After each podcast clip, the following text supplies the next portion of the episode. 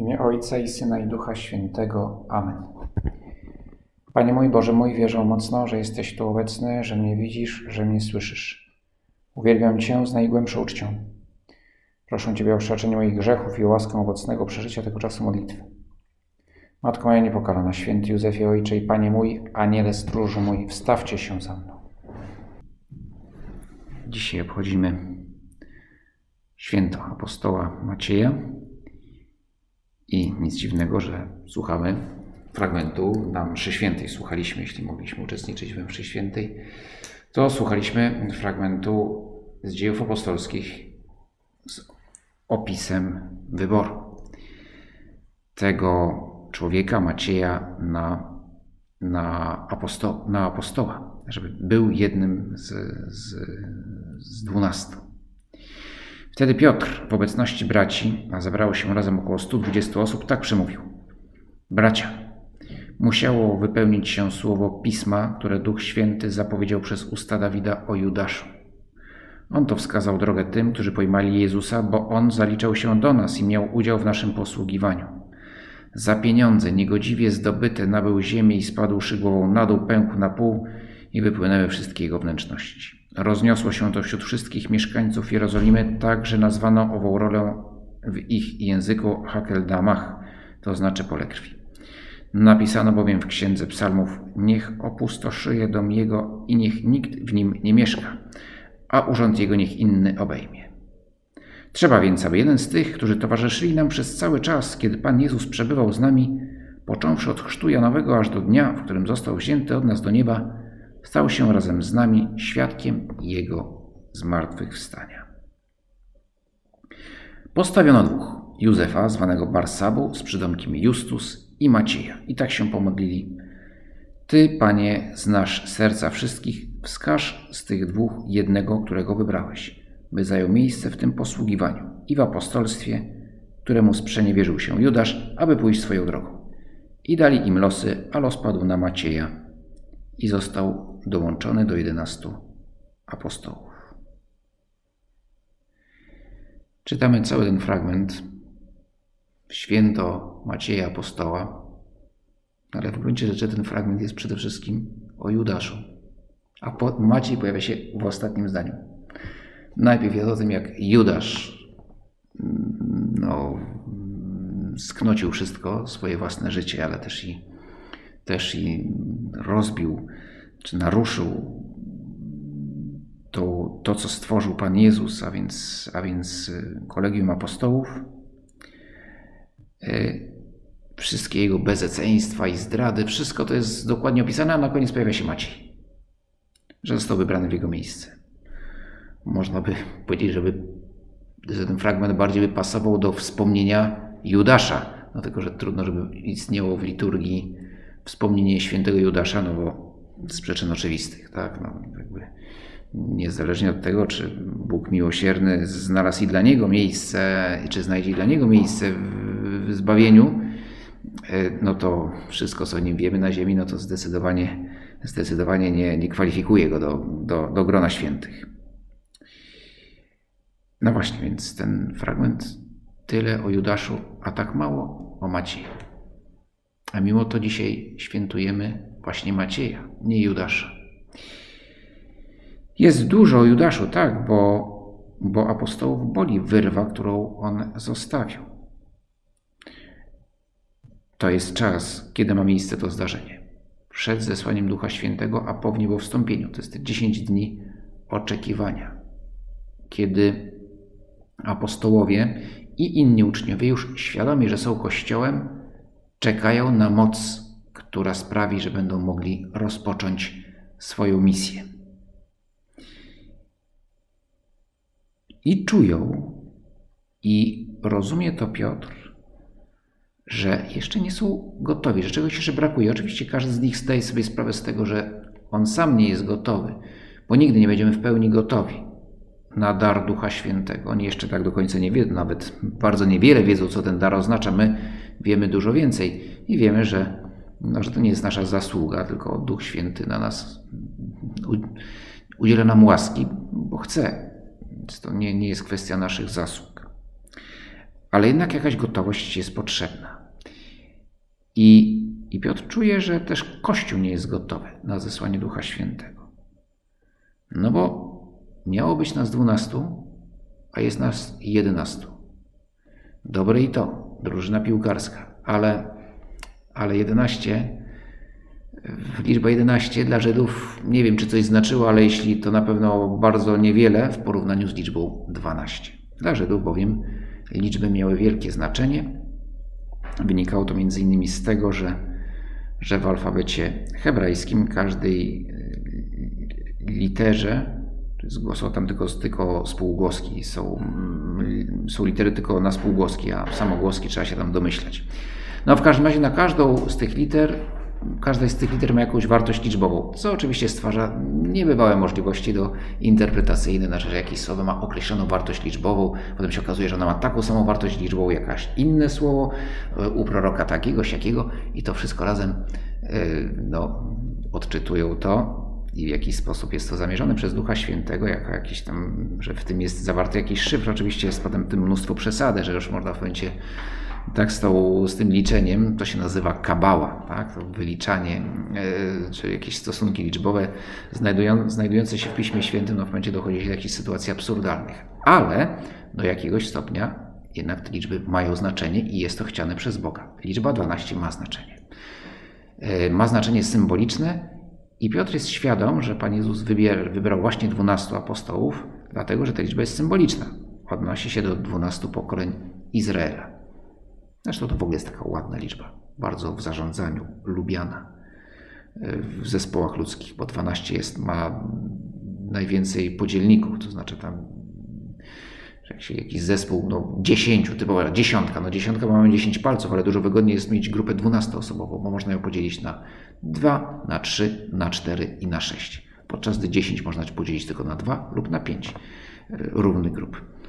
No więc ta dwunastka na pewno no, była odpowiednia. No, Pan Jezus na pewno nie myślał tutaj o, akurat o zarządzaniu, tylko chodziło mu to o odniesienie. To jest nowy Izrael, 12 apostołów, 12 pokoleń Izraela. No Piotr widzi, no ale brakuje nam jednego. E, I czy liczby są ważne? No nie, nie aż tak, ale, ale skoro dla Pana Jezusa była ważna ta liczba, to dla nas też musi być ważna. I dlatego Piotr chce, żeby ta organizacja, która na razie jest w formie embrionalnej, ale już jest, jest chciana przez Pana Jezusa, aby była u swego początku no jak, naj, jak najdoskonalsza.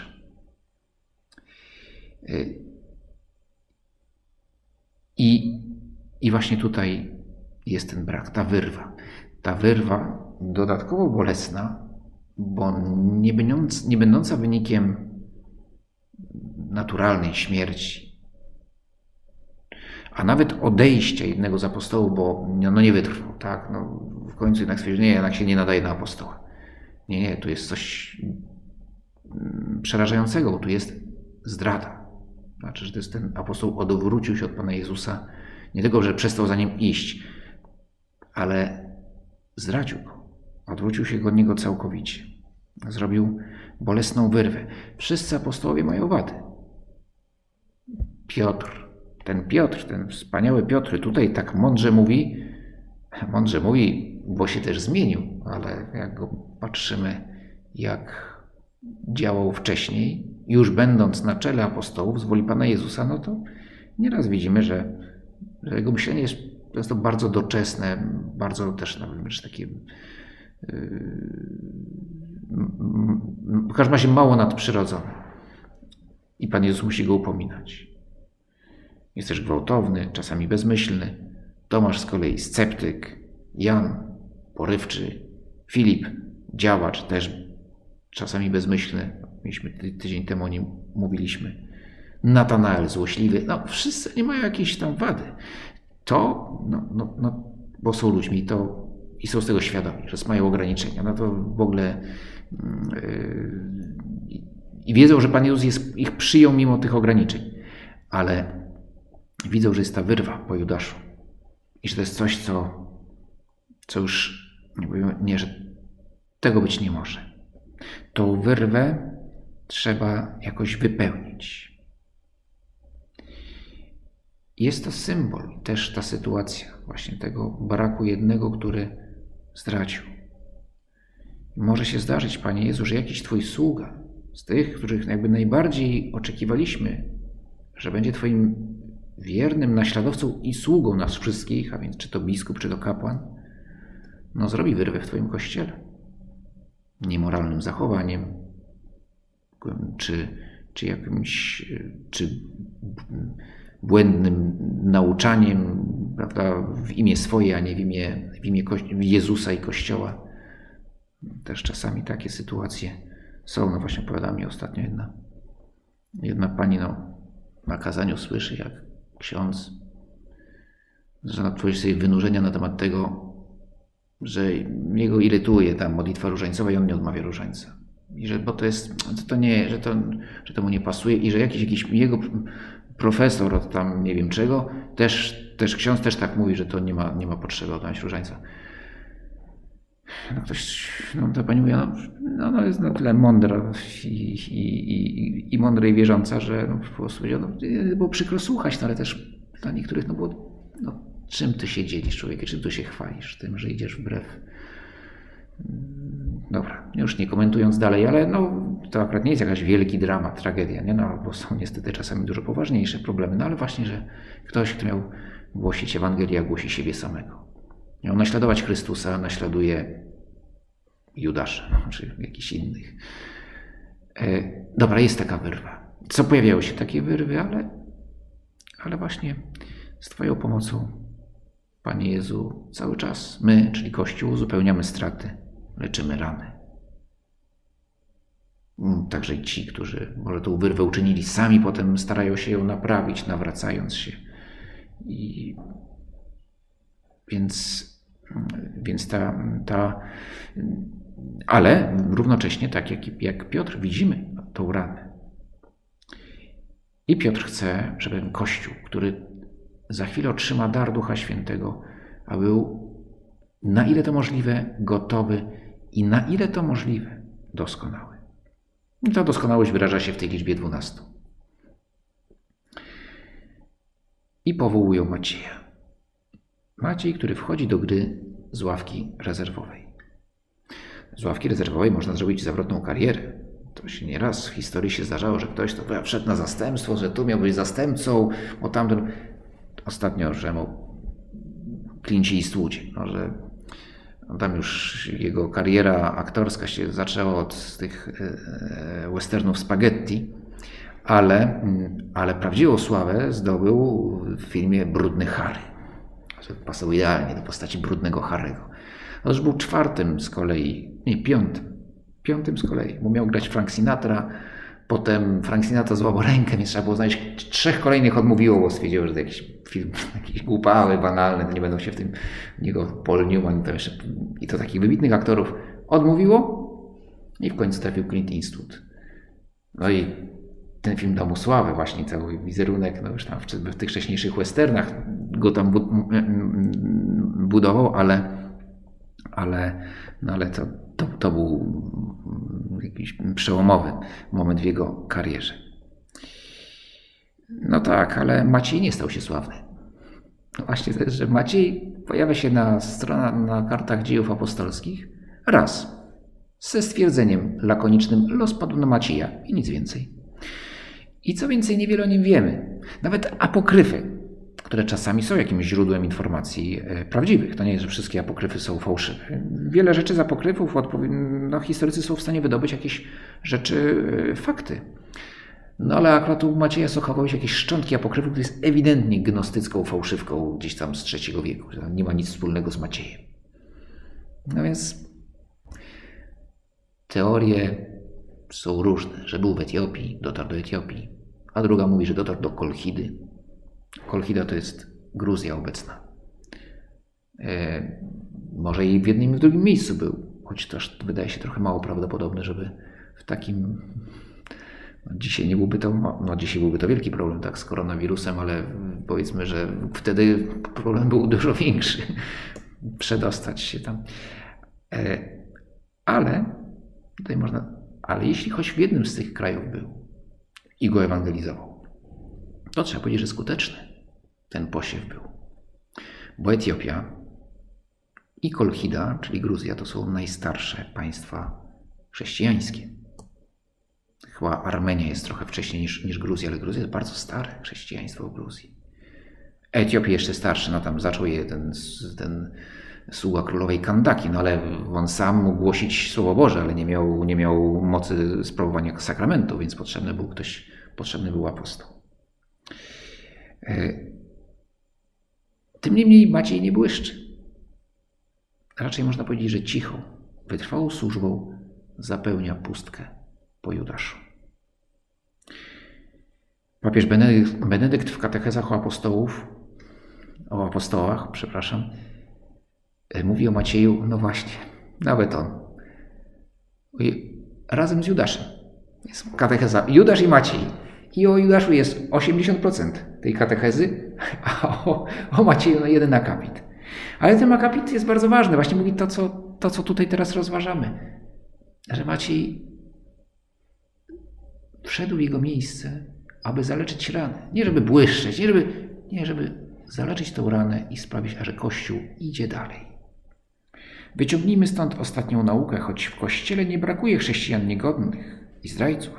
Do każdego z nas należy zrównoważenie zła, jakie oni czynią przez nasze szczere świadectwo Jezusie Chrystusie, naszym Panu i Zbawicielu. A więc zawsze, kiedy coś nas boli, coś widzimy, nie tylko to, o co tam Kościół jest oskarżany przez jego wrogów czy ludzi pogubionych, no ale czasami dotykamy też rzeczywistości, no, bolesnej rzeczywistości nędzy, grzechu również w Kościele, wśród duchownych i wśród świeckich, po prostu, że no, do, dotykamy tego. I i co wówczas? No wówczas popatrzmy na Macieja. Szczere świadectwo Jezusie Chrystusie. Zalać zło obfitością dobra, jak mówił, zasypać zło obfitością dobra, jak mówił święty Josemaria, i, i budować, nie tylko naprawiać to, co ktoś zepsuł, ale budować dalej. Być może znajdziesz się nieraz w sytuacji Macieja, nie w tak dramatycznych okolicznościach, ale może kogoś zastąpić, kogoś, kto zawiódł. Nie zdradził, ale po prostu zawiódł. Na przykład w miejscu pracy. Zawiódł, a bywa, że nie zawiódł, tylko po prostu go zabrakło. Bo zachorował, bo zmarł, bo, bo się przeniósł i brakuje nam tego. Czasami jest takim poczuciem pełnego gniewu. No, zostawił nas, tak? Jak bywa czasami, że ktoś zmarły, kogo bardzo kochaliśmy i go dalej kochamy, równocześnie jesteśmy zdenerwowali, że, że nas zostawił. Chociaż oczywiście wiemy doskonale, no, że nie zostawił, no, że, no, że Bóg go powołał, ale nas to trochę denerwuje, że, że, że nie tylko, że jest nam smutno, ale też jesteśmy źli, że go nie ma wśród nas.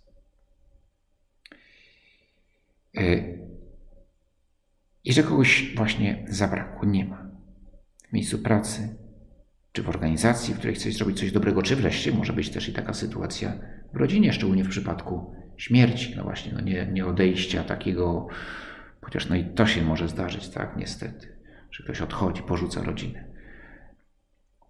E, I, i, ja znajduję się, nagle mam wypełnić to miejsce albo co najmniej czuję, że no, mógłbym to zrobić, albo miał to poproszono. I to jest wyzwanie. Może się pojawić wówczas takie pragnienie, a muszę być lepszy od tego, który zawiódł. Albo też, a cokolwiek nie zrobi, tak będę lepszy, bo tamten zawiódł. Tak?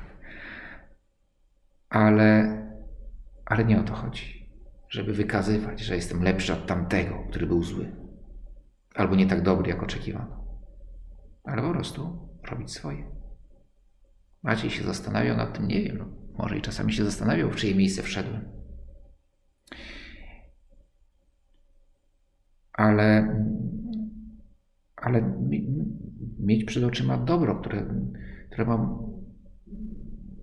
które mogę spełnić. I też nie wpadając w kompleksy. Ostatnio oglądałem film, już nie z Clintem Eastwoodem, ale z, o wyścigach samochodowych, o takim słynnym wyścigu Le Mans, w którym, w którym Ferrari, Ford spróbował konkurować z Ferrari i co więcej wygrał. Ma tylko ten jeden wyścig potem. Kategorii samochodów wyścigowych. Ferrari jednak pozostał liderem, ale tam jest właśnie taka rozmowa z przedstawicielami koncernu Forda, rozmawia Enzo Ferrari, czyli dyrektor, założyciel i właściciel tej, tej, tej marki. I w pewnym momencie Enzo Ferrari chce dopiec tym ludziom od Forda i konkretnie Fordowi, który jest synem, synem założyciela, synem czy wnukiem, już w tej chwili nie pamiętam, czy synem czy wnukiem założyciela tego wielkiego koncernu. On nazywa się tak samo Henry Ford. I co mówi Ferrari? Tak, dobrze, z taką yy, złośliwością starannie przemyślałem.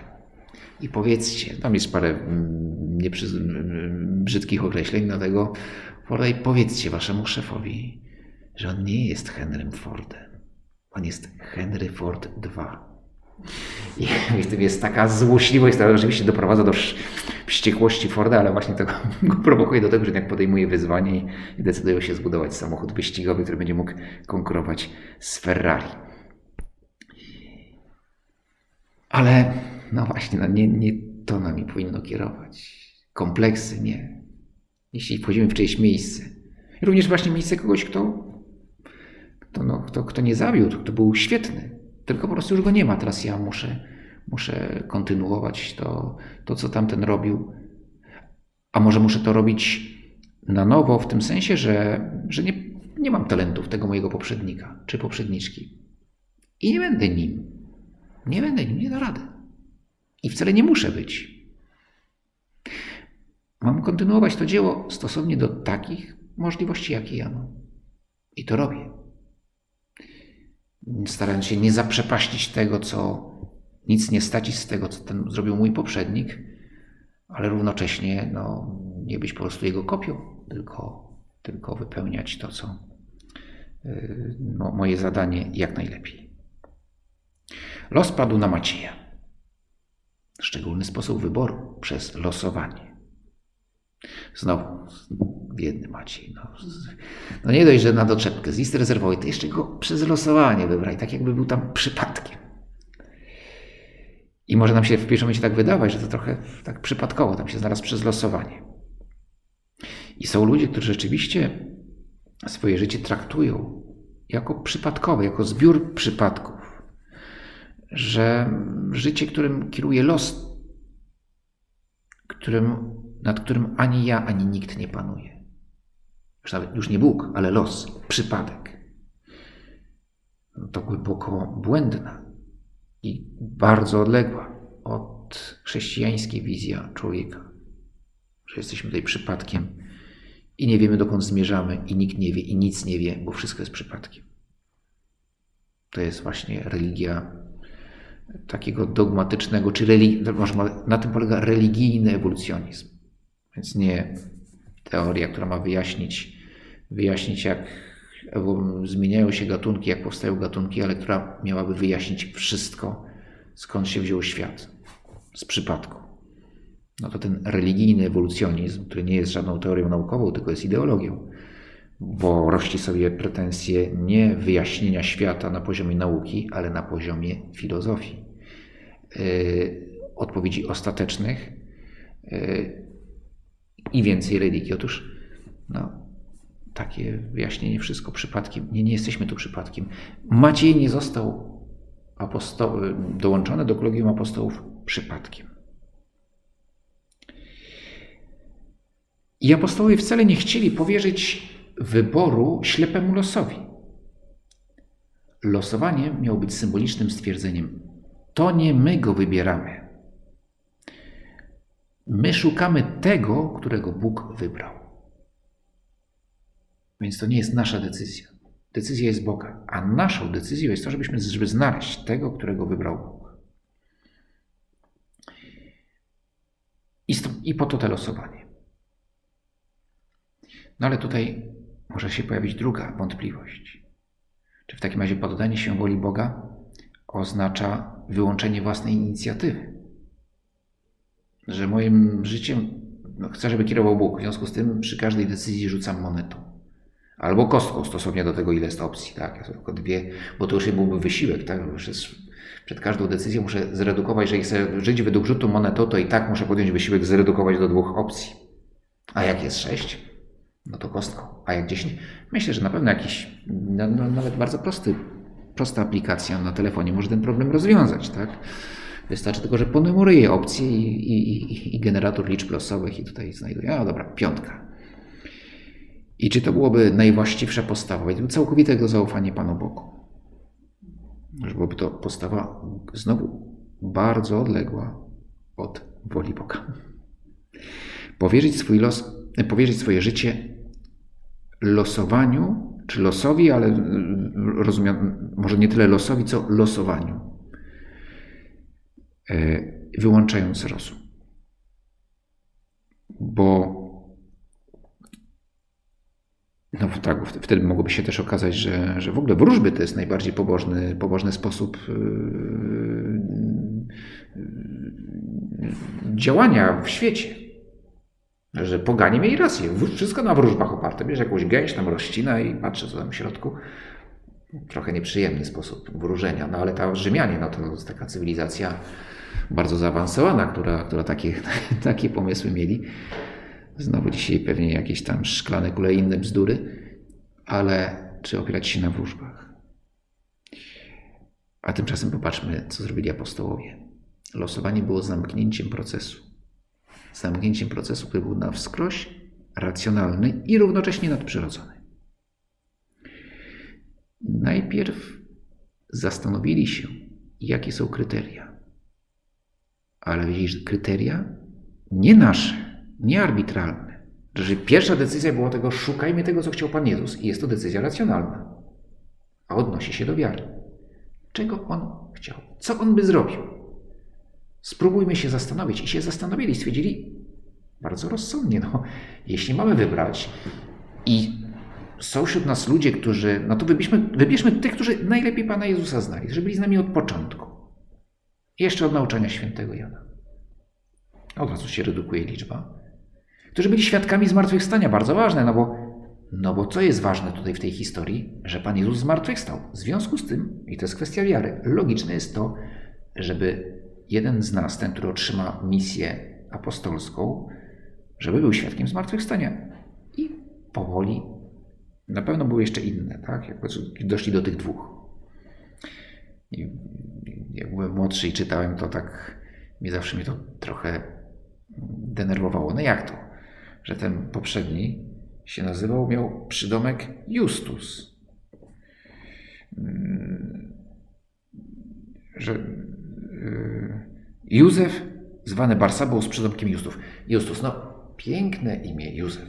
Józef, Józef świętego Józefa. I jeszcze Justów, czyli sprawiedliwy. I ten przegrał z Maciejem. No oczywiście nie kierowano się imionami. No ten sprawiedliwy to znaczy, że był no, pewnie, że Justus, no to znaczyło, że, że był znany, no, że miał jakieś cechy moralne szczególne, no ale Maciej na pewno też był człowiekiem sprawiedliwym.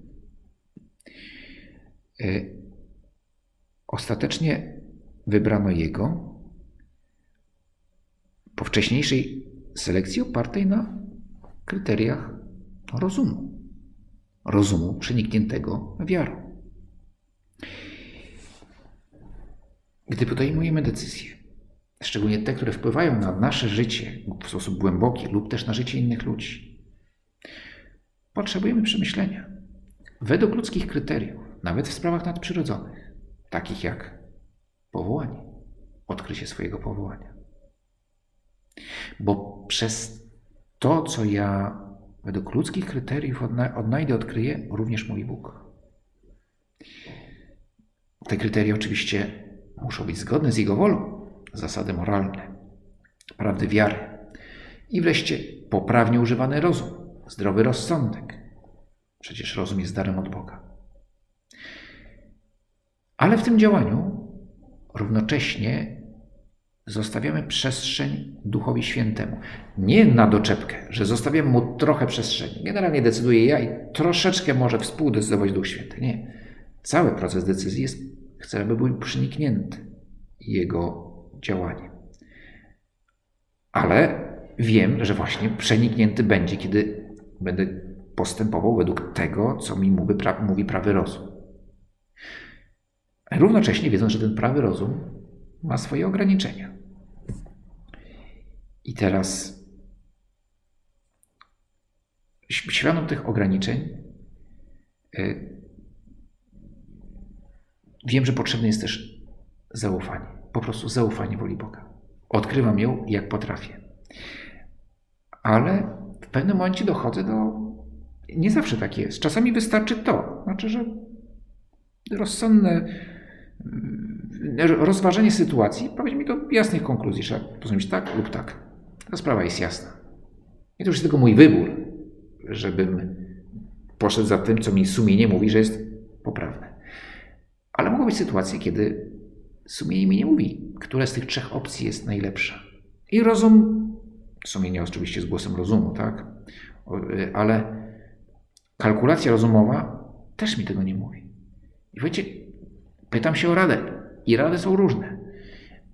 Robię wszystko, co możliwe, żeby znaleźć właściwe rozwiązanie i w dalszym ciągu nie wiem, która z tych opcji jest najlepsza.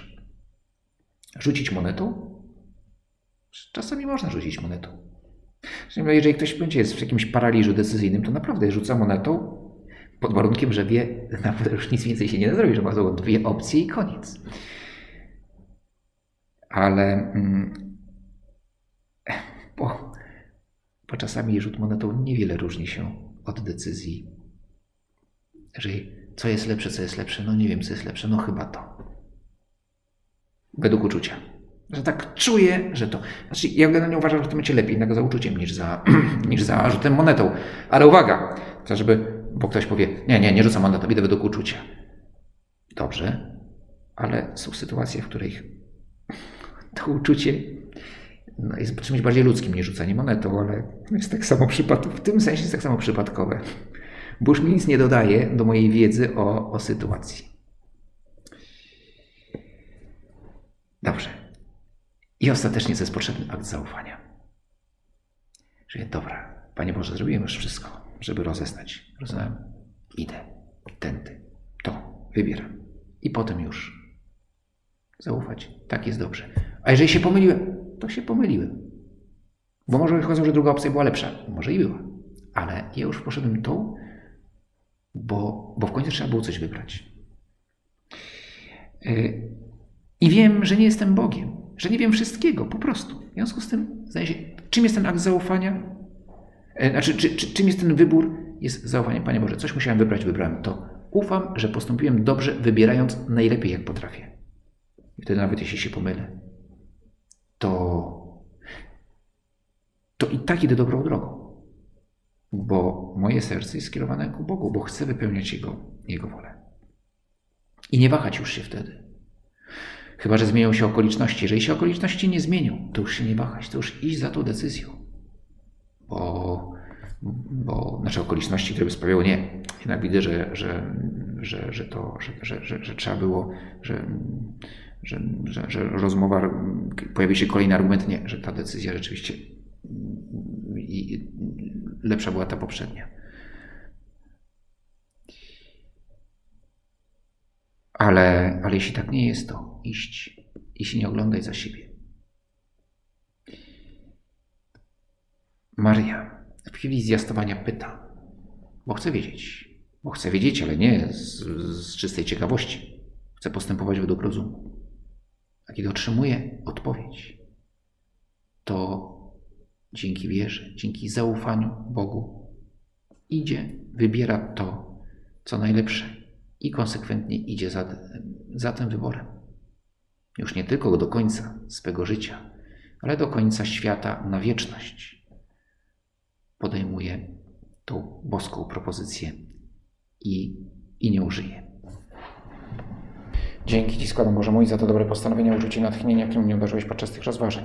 Proszę Cię o pomoc w ich urzeczywistnieniu. Matko moja niepokalana, święty Józefie Ojcze i Panie mój, Aniele stróżu mój, wstawcie się za mną.